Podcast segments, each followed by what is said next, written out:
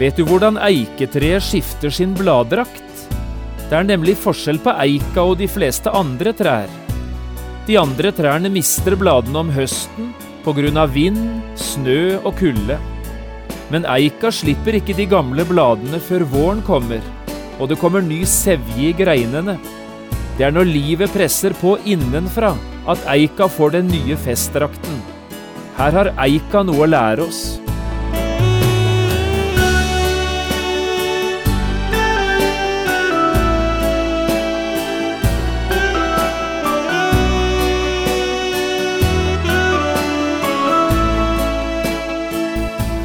Hjertelig velkommen til et nytt program i serien Vindu mot livet.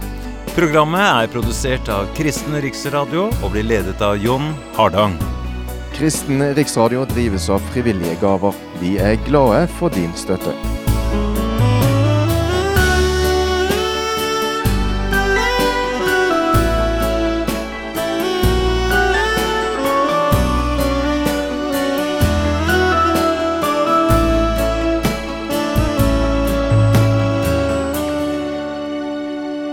Vi fortsetter i dag bibelundervisningsserien som er kalt Veien.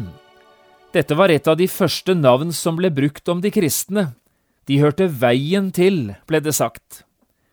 Med dette som utgangspunkt skal vi nå prøve å ta fram en del viktige ting ved det å leve som kristen. Jeg har også skrevet en bok med samme tittel, Veien, som du kan få kjøpt i bokhandelen, eller ved å henvende deg til Kristen Riksradio vi skal i dag lese et avsnitt fra Kolosserbrevet, kapittel 3, og vi leser vers 5 til 15. Jeg har kalt dagens program Nytt liv og nye klær. Paulus skriver, Så død da deres jordiske lemmer, utukt, urenhet, syndig lidenskap, ond lyst og pengegriskhet, som er avgudsdyrkelse på grunn av disse ting kommer Guds vrede over vantroens barn. Blant dem vandret også dere før, da dere levde i disse ting. Men nå skal dere legge av alt slikt, vrede, hissighet, ondskap, spott, skammelig snakk fra deres munn. Lyv ikke på hverandre. Dere har jo avkledd dere det gamle mennesket med dets gjerninger og har ikledd dere det nye mennesket, det som blir fornyet til kunnskap etter sin skapers bilde. Her er ikke greker eller jøde, omskåret eller uomskåret, barbar, skyter, trell, fri. Kristus er alt og i alle. Dere er Guds utvalgte, hellige og elskede. Ikle dere da inderlig barmhjertighet, godhet, ydmykhet, saktmodighet og tålmodighet, så dere tåler hverandre og tilgir hverandre dersom en skulle ha noe å anklage en annen for. Like som Kristus har tilgitt dere, skal også dere tilgi hverandre. Men over alt dette, ikle dere kjærligheten, som er fullkommenhetens sambånd og la Kristi fred råde i hjertene deres. Til den ble dere jo kalt i det ene legemet, og vær takknemlige.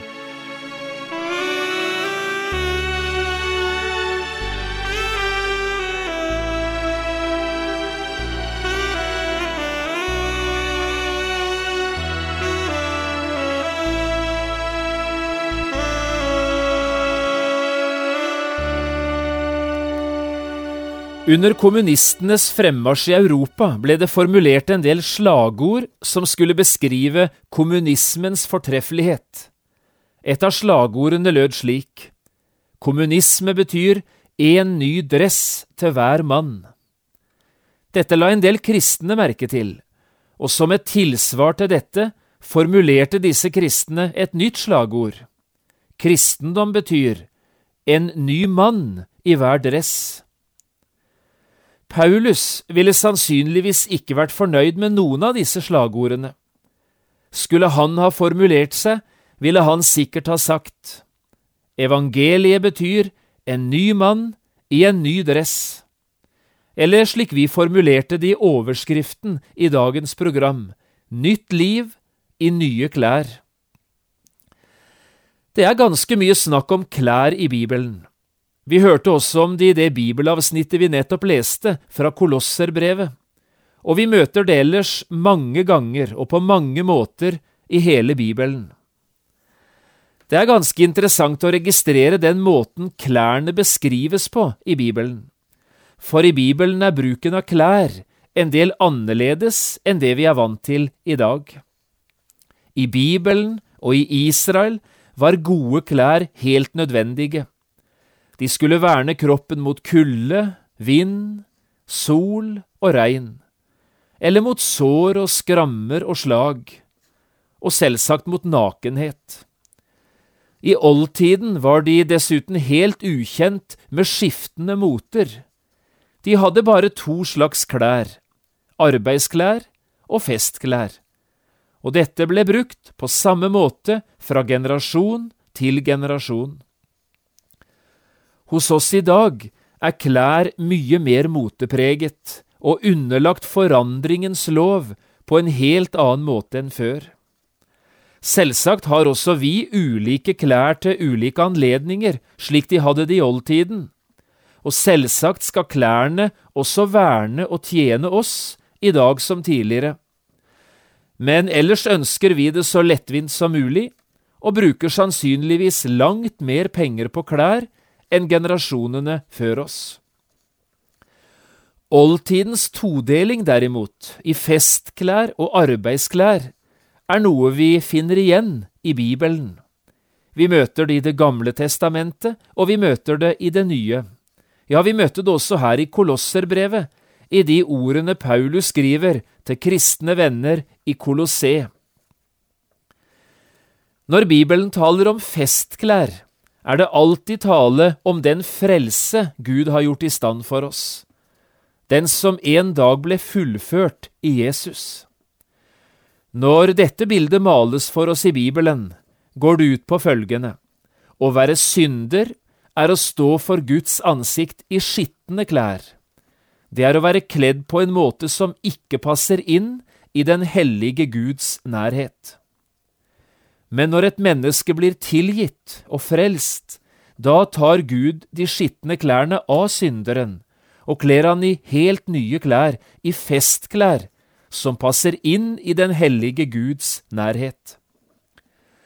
Skulle vi nevne et par eksempler fra Det gamle testamentet, kunne det være Jesaja 61 og vers 10, der det frelste mennesket sier, Jeg vil glede meg i Herren, Min sjel skal fryde seg i min Gud, for han har kledd meg i frelsens drakt, i rettferdighetens kappe har han svøpt meg. Den gleden vi møter her, det er gleden over Guds frelse og over den nye festdrakten. Vi leser om akkurat det samme i Sakarias' bok i kapittel tre, der vi møter ypperstepresten Josva. Hør hva det står om Josva i vers 3–5. Men Josva var kledd i skitne klær, der han sto for engelens åsyn. Og engelen tok til orde og sa til dem som sto foran ham, Ta de skitne klærne av ham. Og til han selv sa han, Se, jeg tar din misgjerning bort fra deg og kler deg i høytidsklær. Dette er samme sak, det er frelsens festdrakt som ypperstepresten Josva her blir iført. Akkurat det samme møter vi også i Det nye testamentet, uten at vi skal gå så mye inn på dette akkurat nå. Men så møter vi altså også en annen type klær i Bibelen. I tillegg til dette med festklær snakker Bibelen også mye om hverdagsklær, eller gjerne om arbeidsklær. Hva er forskjellen? På festklær og hverdagsklær. Ja, festklærne, de hører himmelen til, og alle som har festklær, de er like mye frelst og passer like godt inn i himmelen. Hverdagsklærne derimot, eller arbeidsklærne, de hører kristenlivet i denne verden til. Og her er det stor forskjell på oss, hver enkelt kristen. Noen er kledd slik, og andre på en annen måte. Det er dette siste Paulus skriver om her i Kolosserbrevet. Han skriver om de hverdagsklærne en kristen skal ha på seg, om han vil leve sitt liv etter Guds gode vilje fra dag til dag. Også her er det snakk om skitne klær og om rene klær, om de klærne som passer for en kristen, og de klærne som ikke passer. Det er derfor Paulus sier at det er noe vi må ta av oss og legge bort, og det er andre plagg vi skal ta på oss og leve i. La oss se litt nærmere på det Paulus her skriver om. I begynnelsen av kapittel tre i Kolosserbrevet skriver Paulus om det nye livet som alle kristne har fått del i. Dette er et Kristusliv som har gitt en kristen et nytt holdepunkt og helt nye interesser.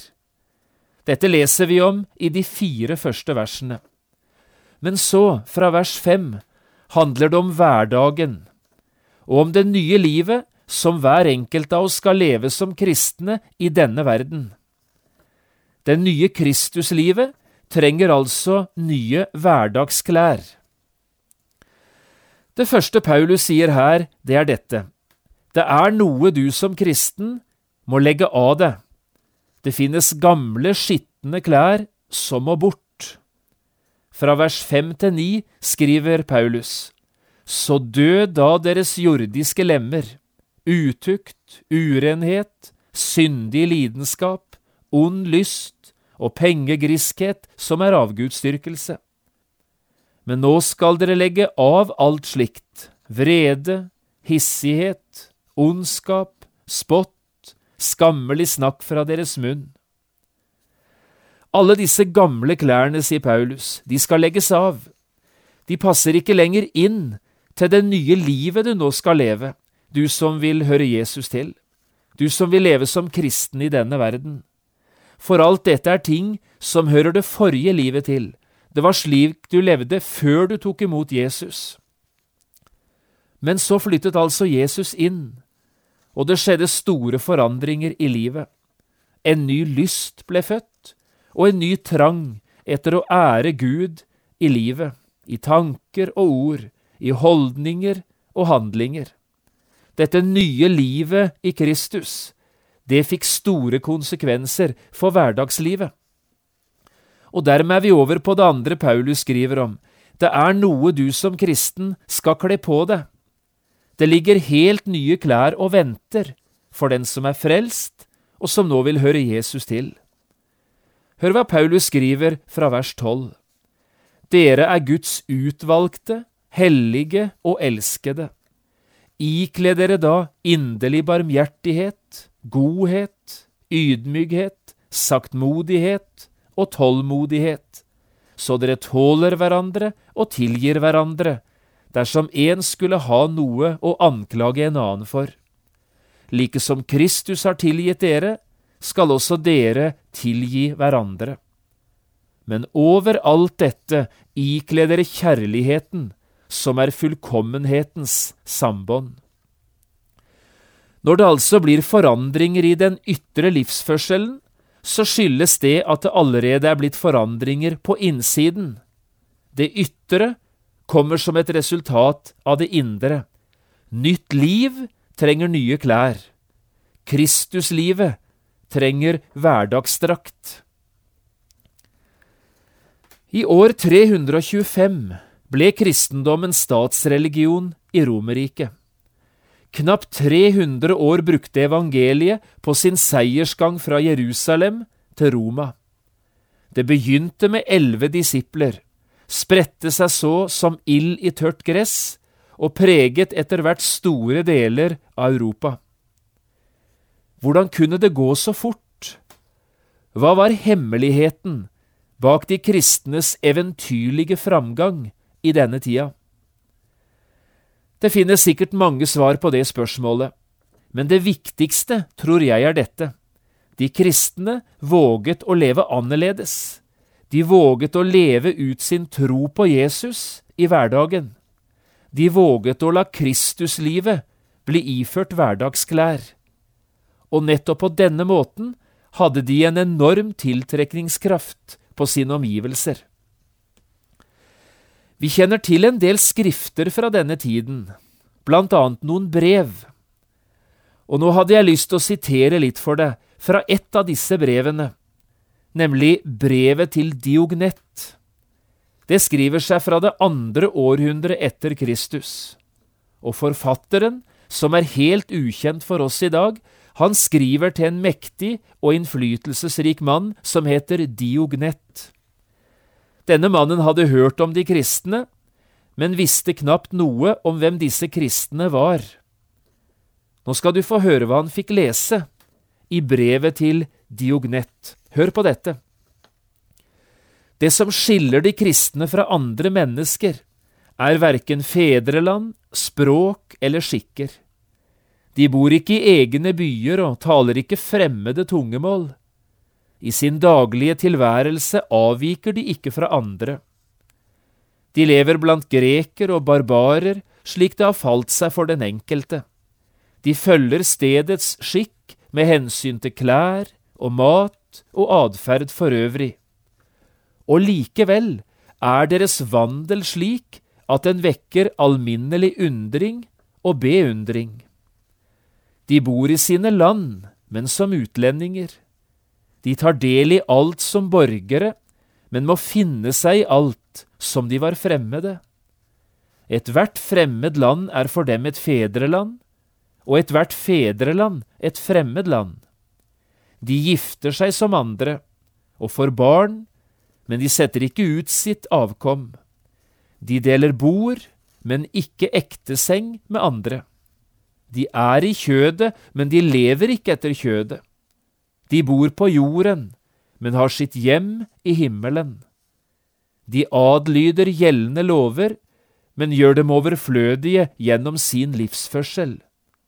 De elsker alle og blir forfulgt av alle. Man kjenner dem ikke, og allikevel fordømmer man dem. De blir slått i hjel, men blir gjort levende. De er fattige, men gjør mange rike. De mangler alt, men har overflod i alt. De blir vannæret, men i vannæren vinner de heder. De spottes, men får sin rett. De blir utskjelt, men velsigner.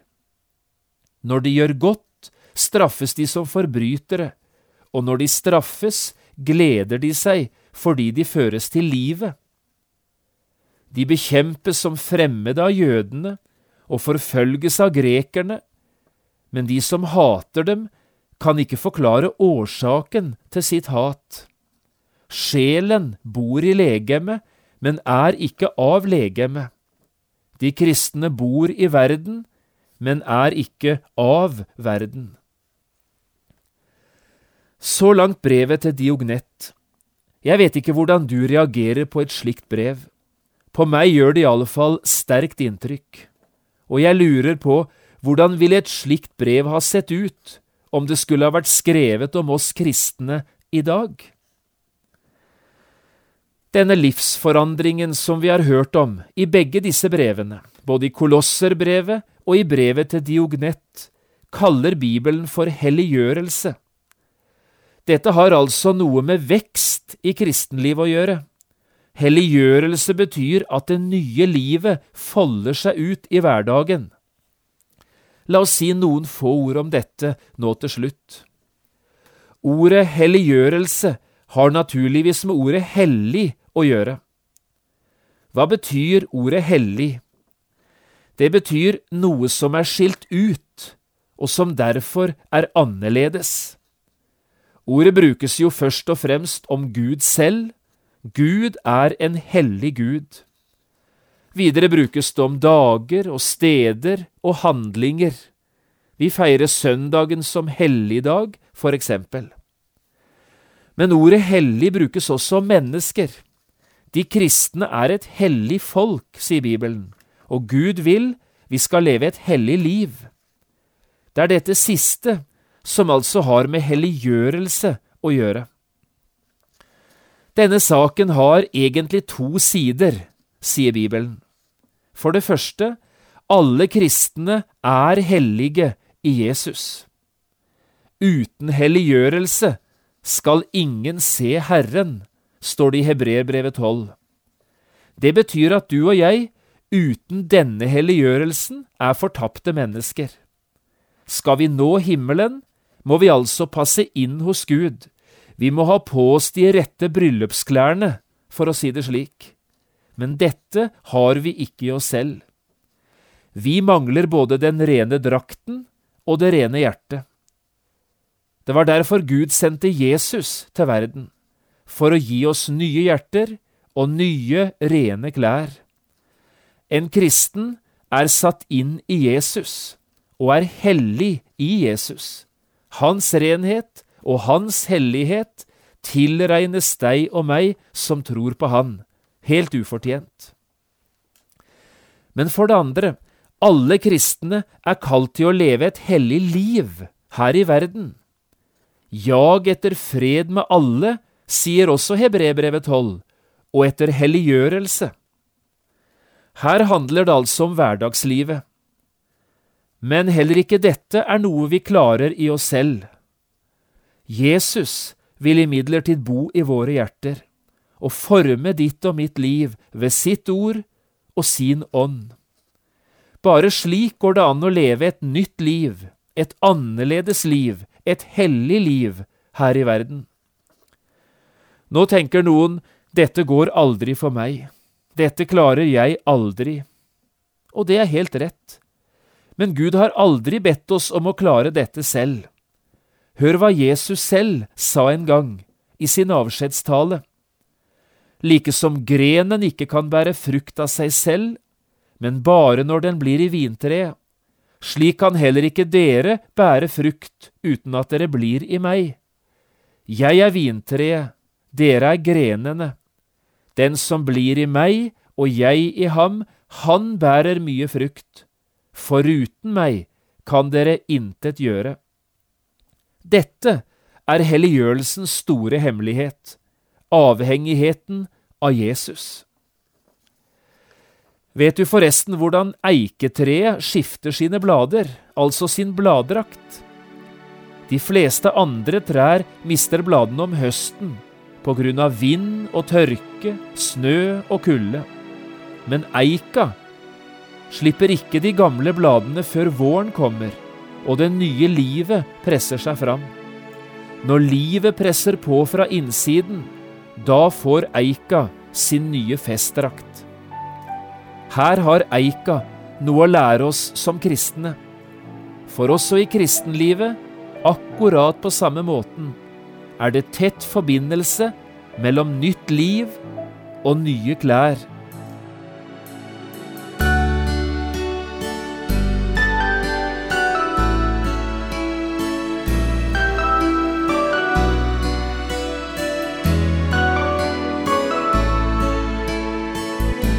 Du har lyttet til et program i serien Vindu mot livet med John Hardang.